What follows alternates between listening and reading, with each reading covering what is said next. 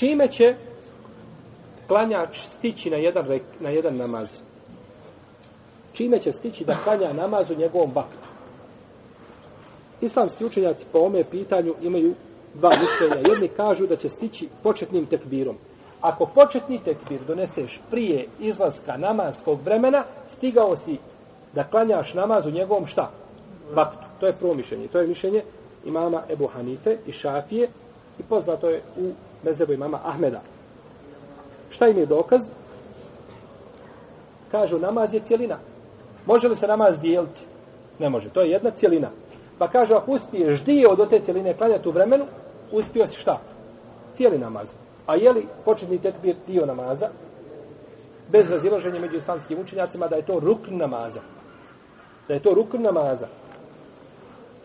Da je to rukn namaza. I zato čovjek koji bi ostavio početni tekbir, ne može nikako ni sehvi seždu, čini ništa, mu stvari nije šta ušao nikako u namaz. Pa kažu, ako stigne čovjek da donese početni tekbir u namaskom vremenu i nakon toga odmah prekida, stigao je da klanja namaz u njegovom vremenu. I to isto tako dokazuje hadisom u kome poslanik s.a.v. kaže ko stigne klanjati ikindiju ili jedan rekat ili jednu seždu od ikindije prije nego što zađe sunce stigao je da klanja ikindiju. A isto tako sabah prije izlaska sunca. Pa kažu sežda je dio šta? Namaza. Pa ako stigneš jednu seždu klanjati prije izlaska sunca stigao je sabah namaz. Isto tako i tekbir. I tekbir je dio namaza, tako i tekbir je rukni koji sežda. Pa kažu kako je dozvoljeno ovo, tako isto i ovo. Drugo mišljenje je da čovjek stiže na da se računa da je stigao klanjati namaz u njegovom vaktu ako stigne klanjati jedan rekat u vaktu. A, jedan rekat, ako stigne prvi rekat, ako stigne klanjati u vaktu, stigao je da klanja taj namaz, protivno nije. I ovo je mišljenje u mezevu imama Malika poznato i jedan rivajt od imama Ahmeda i odabro ga je šehol sami Butejmije. I ovo je mišljenje jače shodno argumentima. Jer kaže poslanik sa osrme, ko stigne klanjati jedan rekat, stigao je klanjati namaz u vremenu. Što se razumije, ko nije stigao klanjati rekat, šta? Nije, nije stigao klanjati.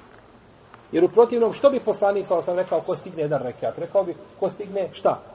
početni tekbir. Jer je poslanik sa uvijek pojašnjavao vjeru na jasan način i nastoje da olakša ljudima koliko može. I koliko je šerijat dozvolio. Pa je rekao, ko stigne klanjati jedan rekat u vaktu, stigao je klanjati taj namaz. Tako da, onaj ko nije stigao da klanja taj rekat u tome vaktu, nije stigao klanjati, znači, nije stigao klanjati taj namaz. A hadis men edreke seđdeten, ko stigne jednu seđdu, misli da se tu na seđdu i na rekat. Je siguran. Ha? Na šta se misli? Na rekat. Na rekat. Jer ne može biti sežda prije čega? Prije rekata.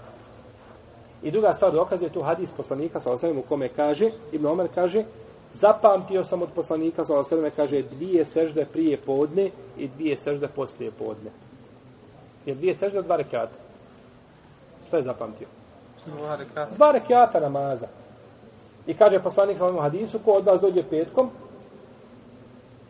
wal imamu jahtub, men eta يوم الجمعة والإمام يخطب فليركع ركعتين وليتجوز فيهما kod vas dođe petkom na džumu, a imam na hutbi, drži hutbu na mimberi, neka klanja dvije sežde. Šta je dvije sežde? Dva rekiata. Dva rekiata. I neka iskrati. I neka iskrati. Pa se znači odnosi šta? I Sulejk al-Gatafani kada je sjeo u džami, kaže mu poslanik sa osam, ja fulan Sulejk, kale la, jesi li kaže klanjao? Nisam. Kaže, kum perkja rekiateini.